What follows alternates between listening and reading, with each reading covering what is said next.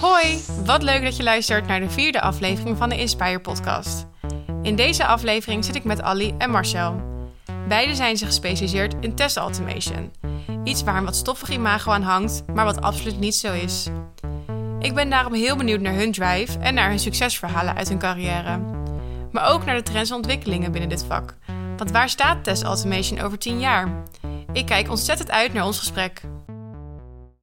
Nou, goedemorgen is het nog. Uh, nou, we zijn hier met uh, Marcel en met Ali. Leuk dat jullie er zijn. Uh, Marcel, voor jou is het de eerste keer ook dat je een podcast opneemt, hè? Ja, en dan moet ik zeggen, ik heb niet altijd zelf het geduld om podcasts af te luisteren. Hoewel in de auto heb ik wel de mogelijkheid om ja. podcasts te beluisteren. Oké, okay, ook niet de Inspire podcast? Ja, als ik eerlijk ben, ik heb heel weinig geduld. Hè. Dat is niet mijn sterkste eigenschap. Oké, okay, nou, niet vaak naar. Nee, nou, dat is een mooie uitdaging voor vandaag dan. Zeker. Uh, denk ik. En Ali, ook goedemorgen, welkom. Ook voor jou de eerste keer, hè? Dit is maar de eerste keer, ja. En uh, ik doe eigenlijk heel weinig met, met podcasts. Ik, ik heb ze zelfs van Inspire nog niet geluisterd. Moet ik heel eerlijk toegeven. Oh, jee. Oh. Ik, ik, moet dat nog steeds doen. Ik heb wel een tijd geleden de kortste podcast van Nederland uh, gehoord. Mand, ik weet niet of je die kent, maar die duurt echt 10 seconden. Het gaat echt helemaal nergens ja. zo. Maar het is wel grappig. Dus, nou, dit zeg ik net nog. Ja, uh, ja die, die, is zo grappig. Ja, het, is, dat echt, het gaat echt nergens over. Maar, nee, maar die kan je wel afluisteren. Ja, die zal ik toevallig langskomen. Ik denk, klik er even op en Mand. Mand, ja, klaar. Leuk. Dus, nou, nou, leuk dat jullie, uh, leuk dat jullie er zijn. We gaan het vandaag hebben over uh, test automation. Uh, dat is waar jullie beiden in gespecialiseerd zijn. we doen altijd even een klein voorstelrondje. Dus ook nu wil ik heel graag even kort weten... nou, hoe zijn jullie in deze business terechtgekomen? Marcel, zullen we dan weer met jou starten? Oké, okay. Marcel Riepenbroek. Ik ben... mijn achtergrond is met name in e Service Management stroomlijnen van helpdesk-processen. Tien jaar geleden heb ik de overstap gemaakt naar testautomatisering. Ben ik voor één leverancier een testautomatiseringsoplossing gaan verkopen. Dus gaandeweg duik je in dat vakgebied en merk je dat er, ja, het heel sterk in ontwikkeling is. Dat het heel veel nieuwe dingen opkomen. Een van de nieuwe dingen is ook eh, dat ik eh, samen met Marcel Oostving jaren vier jaar geleden ongeveer, Inspire ben gestart. Inspire to Automation. En dan zijn we ook de scope gaan verbreden naar andere tools en ook naar het inzetten van testers en test automation experts. En dat is heel succesvol. Leuk. Ja, ja, kan me voorstellen. En bij jou, Ali, hoe is dat gegaan? Uh, nou, na het HBO ben ik gaan solliciteren bij een, een grote maatschappij binnen het testen. En uh, ja, van daaruit hoor je dan op een gegeven moment uh, bij een klant als tester, hoor je daar binnen, hoor je testcoördinator. Ga je ook meer bemoeien met met meerdere soorten testen. En uh, op mijn pad kwamen inderdaad ook uh, automatische testen kwam ik tegen. ja, twee jaar geleden ben ik daar weggegaan en ben ik hier binnengekomen bij Inspire. Wel meer richting de agile kant, maar het testen is altijd een rode draad wel geweest in mijn carrière. En ja, of het handmatig is of automatisch testen, ik vind het allemaal interessant en gaaf. En sowieso om te proberen. En ja, dat wat er nu allemaal aan zit te komen ja, met artificial intelligence en zo, dat, dat, dat trekt echt wel mijn, eh, mijn aandacht. Ja. ja. ja, en daar wil ik uh, dan inderdaad gelijk op inhaken. Uh, want artificial intelligence is nu een trend in uh, test automation. Hoe denk je dat dat zich de komende tijd gaat ontwikkelen en wat gaat dat ervoor betekenen? ja, dat is een goede. Kijk, je hebt verschillende soorten artificial intelligence producten.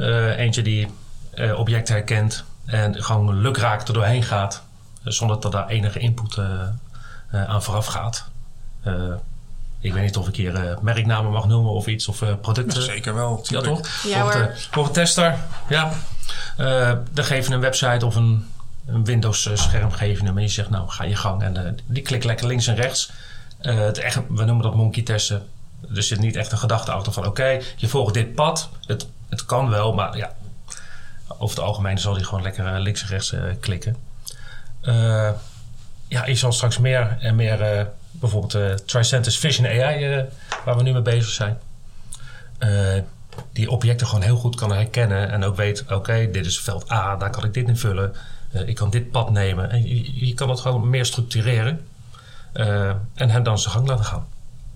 Dus, ja. ja. Heb jij er nog iets aan toe te voegen, Marcel? Ja, nou, artificial intelligence wordt vaak uh, ja, het is een trend. Dus elke toolleverancier die zegt dat ze artificial intelligence ondersteunen of dat ze dat inbouwen in hun product.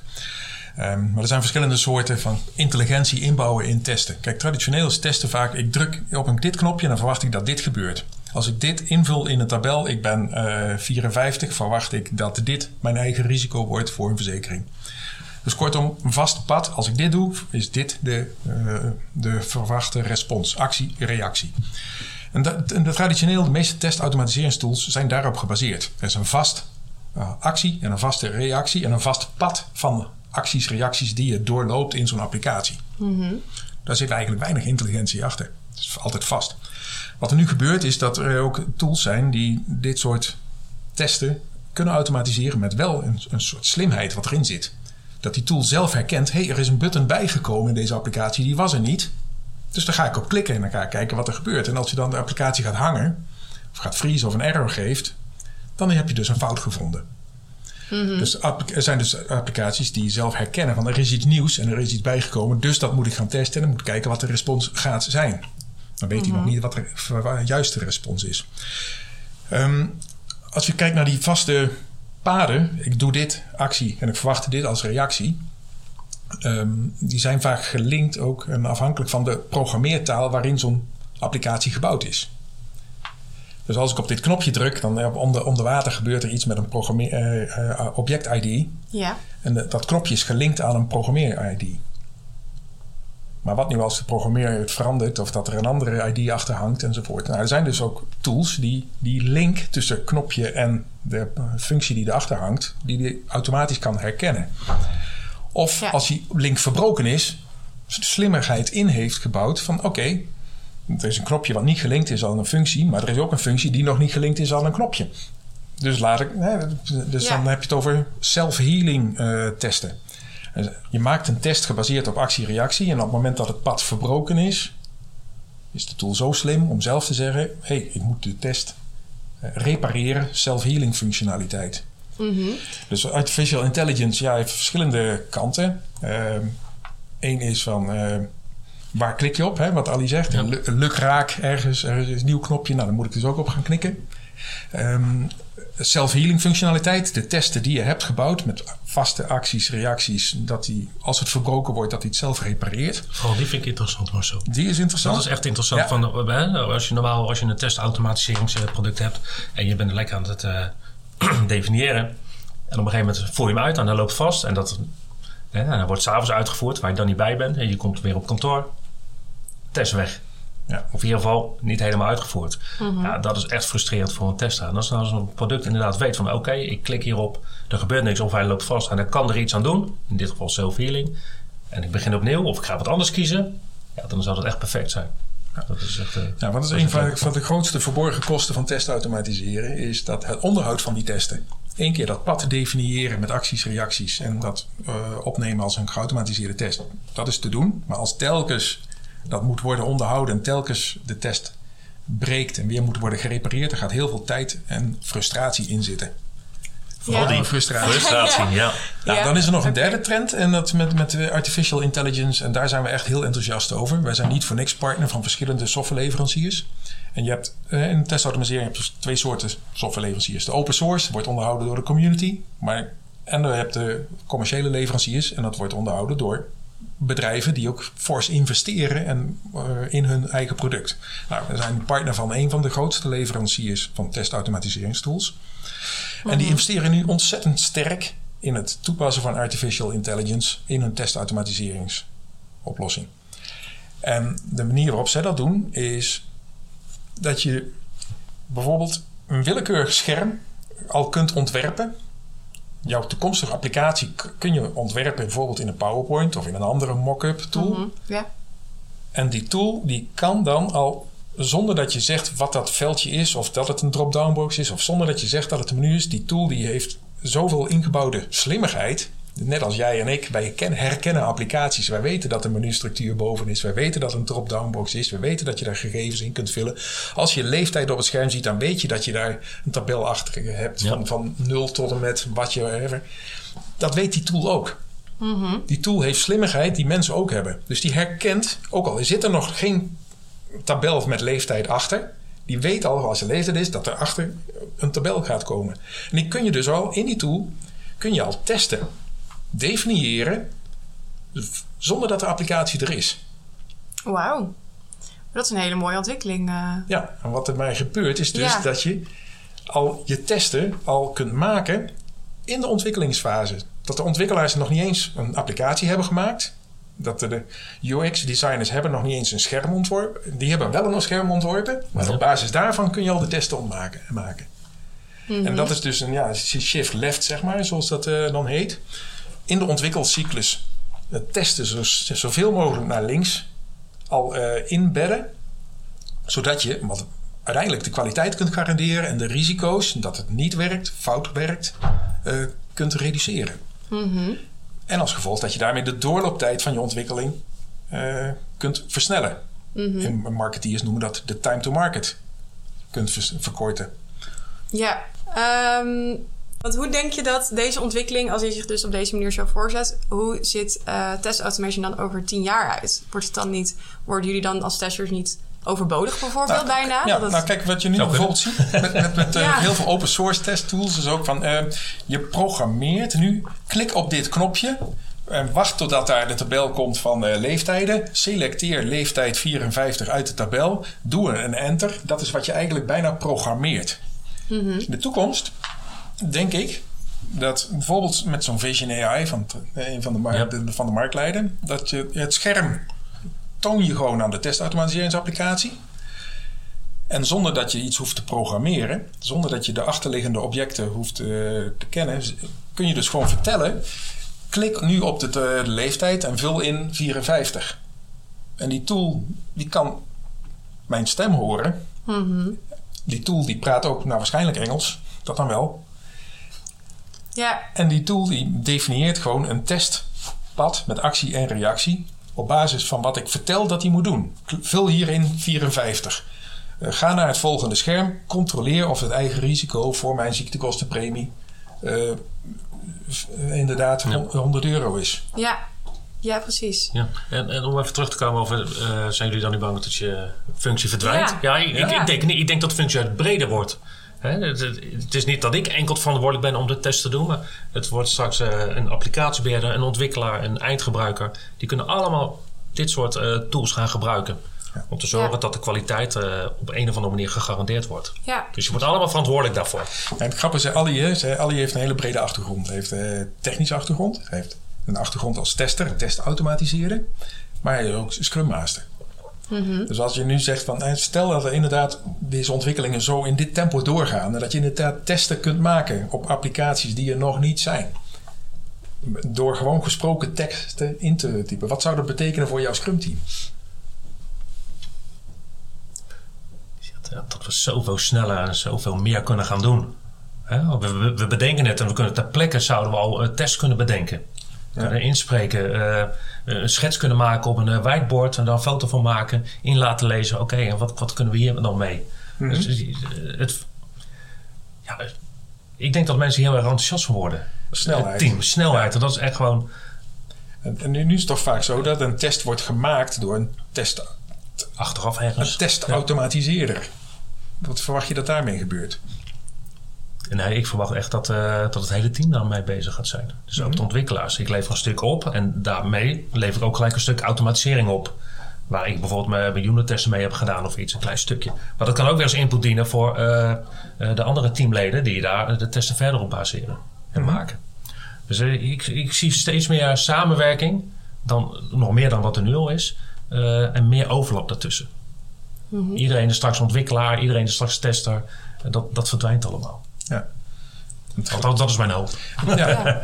En tegelijkertijd dat de technische kennis om die testen te maken of op die testen te onderhouden zal minder worden. Want die tool is gewoon zelfhealing. Die Ja. herkent zelf wel wat de, de, de link is met de, de onderliggende objecten.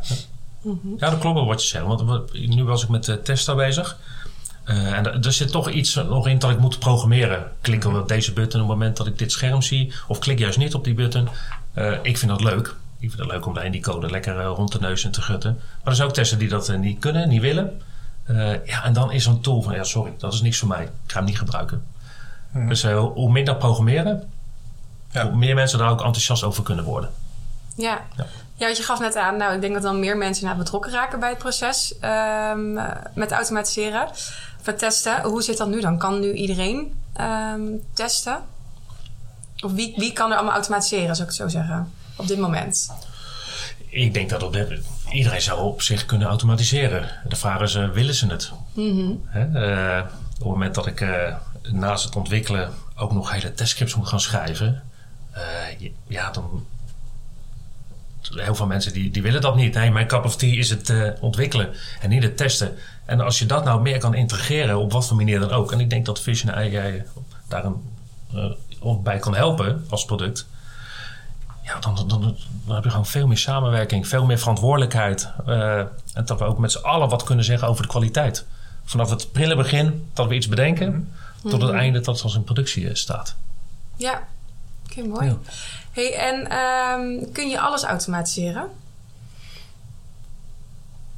Dat is al een lastige vraag. Eh, ik, dat- ik denk dat je alles kan automatiseren. De vraag is, wil je het? Ja? Ja. Waar leg je je focus op? Eh, ik, ik vind zelf altijd, hè, als we even kijken na- naar nu. eh, je hebt een bepaalde website of een bepaald programma wat er getest moet worden. eh, dan, dan zie je ook dat er heel veel nu die GUI gaan automatiseren. Waar we heel veel tijd en energie in steken. En als een keer een, een, een button iets naar rechts staat, dan, dan doet hij het niet. Dan moet je hem fixen. En eh, we hebben het net over frustratie gehad. Dus het automatiseren via de Ja. grafische user interface, via het scherm, de, de, de zichtbare scherm, het automatiseren. Ja. Ja, en, en ik, ik ben meer van eh, test nou je middleware erin, je, je API-laag, de software waar je business logica zit. Als je dat al voor 90, 95 procent dichtgetimmerd hebt eh, door middel van de testen, dan kun je de GUI zou je zelfs handmatig kunnen doen. Ja. En die API-testen die heb je veel sneller Ja. gemaakt. Kijk, ik heb ooit eens, eh, een testautomatiseringstoel verkocht aan iemand. En die was verantwoordelijk voor nou, logistieke operaties eh, in heel eh, nou, West-Europa, een groot bedrijf. En die zegt, ik heb de, nu de perfecte testautomatiseringstoel gevonden. En waarom? Namelijk, voordat ik met de hand ga testen, weet ik zeker dat bepaalde dingen werken. Dus de verloren tijd, ergens in een, een release of eh, een- gaan testen, terwijl ja, bepaalde dingen, basisdingen nog niet goed zitten, dat is gewoon verloren tijd. Nou, die verloren tijd, die wil ik reduceren. Ik wil zeker weten dat bepaalde dingen werken, goed werken, en dan pas ga ik met de hand testen. En ik heb heel vaak discussies met eh, technische testautomatiseerders. Kun je alles automatiseren? En het doel is natuurlijk altijd zo snel mogelijk feedback krijgen van is het goed of is het niet goed? En die feedback ook geven zo snel, op zo laag mogelijk niveau, zo snel mogelijk direct aan de programmeur. Toch denk ik vanuit bedrijfsperspectief zijn er dingen die je nooit kunt testen, geautomatiseerd, en misschien ook niet eens wilt testen. Als jij juri- juridische teksten maakt, of het een correcte vertaling is. Als het woord verkeerd wordt vertaald, kijk, het woord staat er wel. En het is ook volgens het woordenboek een vertaling, maar de juridische implicaties kunnen in- ongekend groot zijn. Als het gaat over aansprakelijkheid. Of een vertaling goed gelukt is. Ehm, als je iets naar het Pools vertaalt, ik kan ook niet zien of het woord voor de helft er staat of dat het er helemaal staat. Ik ken het woord niet eens. Dus de vertaling is gelukt op, op, op, op automatiseringsniveau. Het, het, het staat er wel, maar het is niet leesbaar. Of het leesbaar is, kun je niet eh, zien. Ehm, of het goed leesbaar is op alle verschillende devices. Hè, want tegenwoordig iedereen heeft een mobieltje. Er zitten heel veel mensen op mobieltjes. Maar is het toch go- goed te lezen op een mobieltje? Ook als je een landscape houdt en portrait houdt. Of dat je ondertussen naar een andere applicatie gaat en dan weer terug naar die applicatie. Is het dan ook nog steeds goed leesbaar en wordt het goed weergegeven op al die verschillende devices? Ja. Kun je dat geautomatiseerd testen? Natuurlijk, je kunt het wel doen voor 10 of 20 devices. Maar alle? Nee. Ja, ik denk het niet. Kun je alle soorten testen automatiseren? Nee. Ehm, er zijn ook nog andere, een type fouten die heel moeilijk te testen zijn. Ben jij kleurendoof? Kleurendoof. Wat zeg je? Inderdaad, dat is meestal de reactie. Wat zeg je? Ja. Ja. Ja. Kleurendoof, nee. Maar dat is wel een grappige reactie. Als jij een button maakt, Ja. oké, en die is rood. Is dat een fout? Nee, die button werkt. Als ik op, de- op oké druk, dan gaat hij inderdaad naar het volgende scherm. Toch vind, is dat een, vanuit usability perspectief een fout. Een button die oké is, hoort groen te zijn, niet rood. Technisch werkt het perfect. Het is vanuit usability perspectief is het een fout. En, dan, en dat verschilt. Want jij bent, hoe oud ben jij? 25. 25. Ja. Mijn ouders zijn in de 70. Als zij dezelfde applicatie en ze gaan ze, eh, hun onkostendeclaratie voor de ziektekosten gaan ze invoeren via een mobieltje, zullen mijn ouders op bepaalde momenten vastlopen. En vanuit usability perspectief is het een fout als gebruikers het niet goed kunnen gebruiken. Jij zult die fout niet eens herkennen, want je weet al dat je op het pijltje terug moet klikken. Of je weet al dat je even naar beneden moet scrollen voordat je de OK-button vindt. Mijn ouders zullen vastlopen en die bellen mij dan. Is dat een fout? Is dat een bug? Het is geen bug. Technisch werkt het. Ja. Het is wel Ja. een fout vanuit applicatieontwerp. Dat soort fouten kun je dus ook niet geautomatiseerd testen. Het zijn wel fouten, maar geen bugs. Tenminste, of eh, ja, kijk. Nee, eh, nee, ik, ik zit aandachtig te luisteren. Ik ben het wel met je eens inderdaad. Ik, eh, ik zat ook met het idee dat jouw ouders nog lekker met eh, mobieltjes en pc's zitten te werken. Die van mij zeggen altijd van, eh, Ja. ja, doe jij het even voor mij. Ja, dus eh ja. daar zat ik eventjes mee, eh, oh, wat, wat lekker. Nou, mijn, mijn moeder heeft laatst voor het eerst bloemen laten bezorgen. Heeft ze zelf online gekocht. En dat was een overwinning voor haar hoor. Wauw. Dat is toch gaaf. Ja, Bankieren, dat is al wel een. eh, dat doet ze dan al wel. Maar dan heb ik toch regelmatig aan de lijn van ja, ik word gehackt. En dan heb ik hem maar uitgezet. ja, dat moet je dus niet doen, Ja. mama. Want als hij bezig is met een Windows-update. en je zet hem tijdens de Windows-update uit. Dan, Ja. dan, nou, enfin. Oh. Ja. Ja. Maar goed, dat dus. Ja, mooi. Kun je me ehm, als laatste inderdaad een, bijvoorbeeld een voorbeeld geven van eh, wanneer dus een test automation fout is gegaan? En wanneer het juist goed is gegaan? Dus een succesvolle en een minder succesvolle. Ik denk dat Ali best wel wat go- leuke voorbeelden heeft. Ja? van, van onlangs wanneer het fout gegaan is. Ja, het bedrijf waar ik nu zit, eh, eh, die automatiseren ook via een, eh, een, eh, een, een tool. En dat moet door een. Ja, we mogen die tool niet rechtstreeks op de machine installeren waar het programma draait. Dus dat moet op een andere machine en die moeten we dan benaderen via eh, Citrix. Eh, en dat betekent dat je met die tool plaatjes eigenlijk moet herkennen. Van wat zie ik nu op het scherm? Die definieer ik. Dan maak ik een, eh, een plaatje van. Dan zeg ik, nou, klik dan hier. Maar afhankelijk van het netwerk wordt er meer of mindere mate van compressie toegepast in het tonen van het bepaalde scherm waar je naartoe wil. En dan denkt die tool van, die zoekt plaatje X. En die gaat hij dan zoeken op het scherm, want dan ziet hij hem niet. En dan moeten we weer een nieuw plaatje schieten. En nou, we hebben het net over frustratie gehad. En dat is gewoon niet te fixen. En dat is iets wat steeds, eh, het blijft gebeuren. Gewoon heel erg, eh, nou laten we maar gewoon irritant noemen. je, je wil vooruit met je testen. Eh, en niet steeds je test willen fixen. Nou, dus dat is eh, iets wat, ja, wat, wat ongoing is, wat, wat niet altijd goed gaat. Iets anders automatiseren, ja, wat, wat goed gegaan is. Nou, toevallig gisteren eh, een, een programma Jenkins. Nou, jij kent het wel, Marcel. Ja. Eh, die kan ook bepaalde zaken aansturen. In dit geval stuurt hij een eh, programma aan Ready API. Dus om een API testen eh, passeren. Op het moment dat hij dat gedaan heeft, moet hij een batch aftrappen op een Linux-machine. Nou, dat hebben we ingevuld. Dat doet hij. Daarna moet hij weer terug naar Ready API. Om vervolgens in Qtest iets weg te schrijven van... oké, het is goed gegaan of niet goed gegaan. Hier is je rapportage. Daar hebben we nou, anderhalve dag aan gezeten en eh, voor elkaar gekregen. Maar ook zo gelijk in- ingebouwd dat iedereen die straks zo'n soort test wil hebben... dus we trappen een test af, we trappen een batch af... en we gaan controleren hoe het resultaat is... kan ik zo toevoegen. Dat is wel een klein succesje wat we in de afgelopen eh, dagen hebben behaald. Was heel wel leuk. Ja. En dan zijn dit echt niet de fancy's eh, tools. Hè, waar ik het over heb, Jenkins of Ready API. Maar gewoon het feit dat het lukt. En dat je niets te maken hebt met een GUI. Nou, dat, eh, dat, ah, dat is zo fijn, zo prettig. Echt waar. Dus, ja, nee, dat was wel eh, leuk de afgelopen dagen. Ja, als je refereert aan projecten, testautomatiseringsprojecten die succesvol zijn of mislukken. ehm, heel vaak de keuze is, automatiseer je wel op het juiste niveau? Want of een postcode-tabel correct wordt aangeroepen, ja, dat kun je ook op, op, op codeniveau al, al, al, eh, verifiëren. Je kunt dat ook doen eh, door, hè, dit zijn drie lagen, eh, codeniveau, op API-niveau en op GUI-niveau. Op codeniveau kun je dat direct al in de programmeercode controleren. Je kunt ook duizend aanvragen voor eh, verzekeringspolissen inschieten als gegevens op de API-laag. En dan komen dan duizend polissen die goedgekeurd zijn met de juiste adresgegevens komen er weer uit. Gegevens in, gegevens uit, API-niveau. Of je kunt het doen via de GUI, via de applicatie. In dat scherm klik ik in naam, adres, aanvragen, postcode en ga naar de button OK enzovoort. Als je die keuze niet goed maakt door op het juiste niveau te willen automatiseren, dan ga je heel vaak fout. Als je het op een lager niveau, shift down, als je het op een lager niveau kunt controleren, en waarborgen dat het goed is, moet je dat op een lager niveau doen. Dat is namelijk veel sneller en veel goedkoper. En, niet onbelangrijk, veel beter te onderhouden.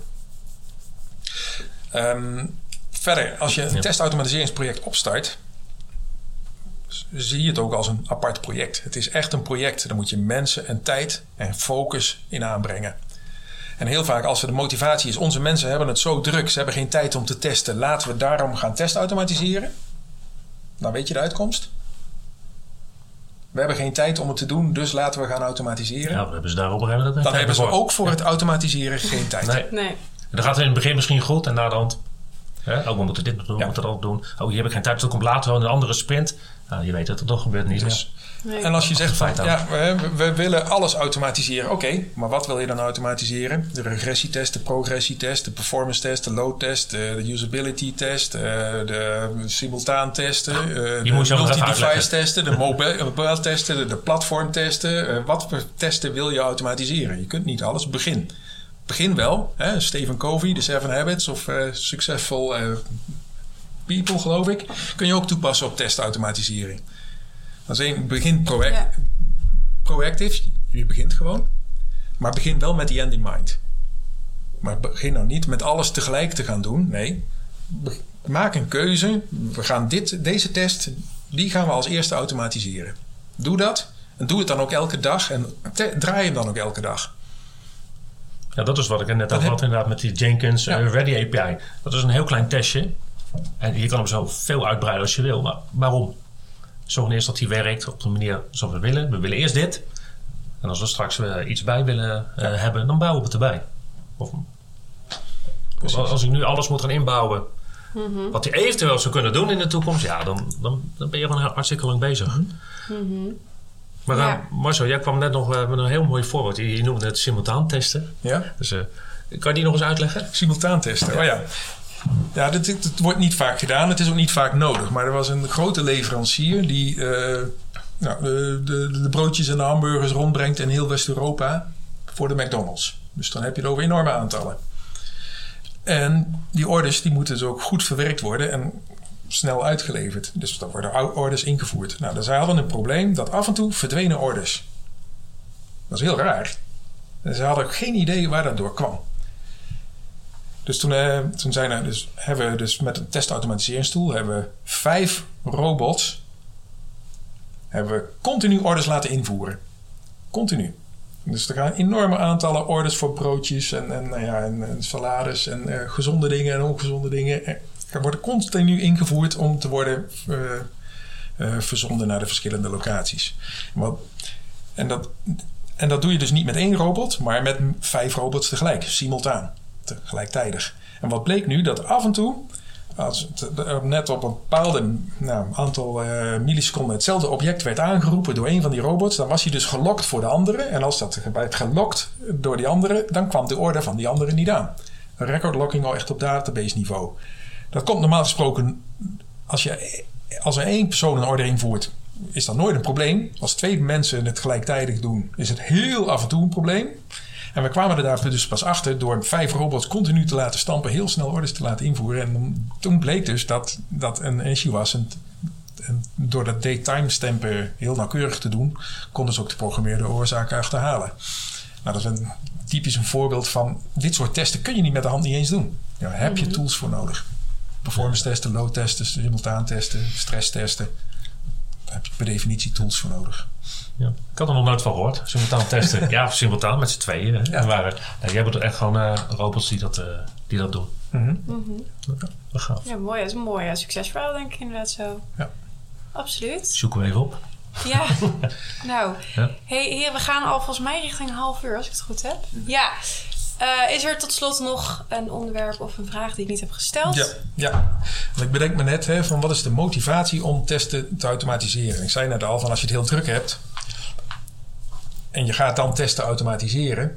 Ja, dat, om de, de, de doelstelling om tijd te besparen eh, is niet altijd een valide doelstelling. De tijd verschuift alleen. De testers eh, gaan dan niet meer zelf testen, maar ze besteden wel weer tijd aan het automatiseren van testen. En als je kijkt naar wat zijn de doelstellingen, hè, nou, de- waar zit dus ook de, de ROI, de return on investment, als je gaat automatiseren. Ehm, dat zit hem in verschillende factoren. De tijd om te testen is vaak niet de belangrijkste. Maar wel omdat je de testen sneller uitvoert, kun je dus ook sneller een release opleveren.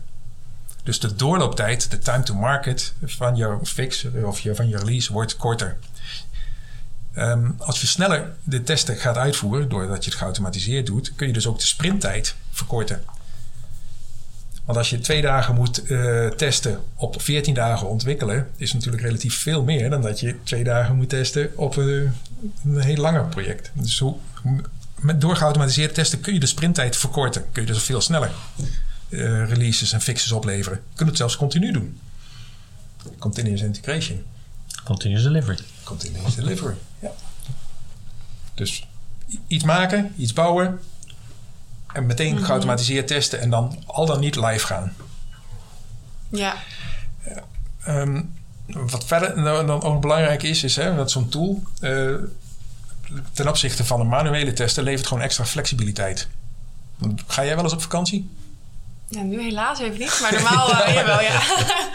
Iedereen wil wel eens ja. op vakantie. Iedereen ja. is daar hard aan toe. Iedereen wil ook weekend vieren. Iedereen wil ook gewoon s'avonds gewoon vrij zijn. Zo'n tool die is s'avonds niet vrij. Die gaat gewoon s'avonds testen. Die gaat de hele dag door. Ja. Ook in het weekend. Ook als mensen op vakantie zijn. Daar levert extra flexibiliteit op. Mm -hmm. En wat vaak ook een reden is om geautomatiseerd te testen... is dat je gewoon zeker weet dat bepaalde functionaliteit... ook weer een tijd, correct werkt. En dat is vaak voor toezichthouders van belang, voor auditing purposes, uh, maar ook uh, het voorkomen van negativiteit. Als er wel een fout is, krijg je dus één dat je supportafdeling er heel druk mee is om alles te repareren, hersteltijd. Maar twee, ook de, de publiciteit. Je haalt gewoon soms de voorpagina's. Er worden verkeerde bedragen afgeschreven voor mijn eigen risico van een verzekeraar. Ja. Nou, dat, dat komt op de voorpagina als er dan een paar miljoen verzekerden betreft. Mm -hmm. En dat soort publiciteit wil je voorkomen. Ja. En dat zijn vaak veel betere doelstellingen van test automatiseren. Doorlooptijd verkorten, snellere time to market, uh, negativiteit uh, voorkomen, uh, functionaliteit verifiëren. Dat zijn vaak veel betere doelstellingen van test automatiseren dan puur het besparen op de tijd die de testers nu spenderen aan manueel. Ja. ja. Uiteindelijk is de schade aan de achterkant veel groter dan, Natuurlijk. Ja. ja. dan de tijd. Ja, ja. zeker. Begrijp ik. Alle, is er voor jou nog iets, uh, uh, onderwerp of een vraag nou, die ik niet heb gesteld? Nou, uh, dat niet, maar ik zat ook denken, vergeet alsjeblieft het manueel testen niet. Mm -hmm. He, sta je niet alleen 100% mm -hmm. blind op, ik moet gaan automatiseren, maar ga alsjeblieft ook handmatig door die test nog heen, of door de applicatie heen. Zodat je zelf als tester ook, of als applicatie of end-user, ook weet wat moet dat ding eigenlijk gaan doen. Mm -hmm. ja. Soms gaan we ergens aan beginnen terwijl we niet eens weten hoe de, de testenfunctionaliteit werkt. En dan ben je twee dingen tegelijk aan doen. Je moet R, die tool zorgen dat hij het herkent. Maar, en B, moet ik zelf het ook nog leren. Dus ga er zelf even lekker doorheen. Ja. Wat, wat ben ik nu eigenlijk ja. aan het doen? Wat ben ik aan het testen? Ja. Kom ik dan nog dingen tegen? Ja, dus, dat vind ik wel leuk. Dat is misschien ook een mooie afsluiter. Kijk, als tester gebruik je altijd twee, op zijn minst twee tools. Als testautomatiseren gebruik je natuurlijk de testautomatiseringstool die je gebruikt. Maar vergeet vooral niet om je eigen hersenen ook te gebruiken. Dat, is, dat is tool nummer één. Ja. Precies. Dat vind ik een hele mooie afsluiter inderdaad. Gebruik je hersens. Ja. ja. ik wil jullie heel erg bedanken voor jullie tijd. Uh, ik vond het in ieder geval ontzettend uh, interessant. Ik weet nu een stuk beter wat het is inderdaad, waar het goed voor is. En uh, ja, ik ben heel enthousiast, dus heel erg bedankt. Graag gedaan. Graag gedaan. Ja. Nou, jullie horen het. Test automation is een ontzettend interessant vak, wat zichzelf de komende jaren alleen maar verder gaat ontwikkelen. Ik kijk er in ieder geval erg naar uit. Heb je nog vragen voor Ali of Marcel? Laat het ons dan vooral weten via onze social media kanalen. Dit was alweer de vierde aflevering van de Inspire podcast. Volg ons op LinkedIn, Facebook en Instagram voor meer tips en verhalen en om als allereerste op de hoogte te zijn van de volgende aflevering. Bedankt weer voor het luisteren en stay inspired.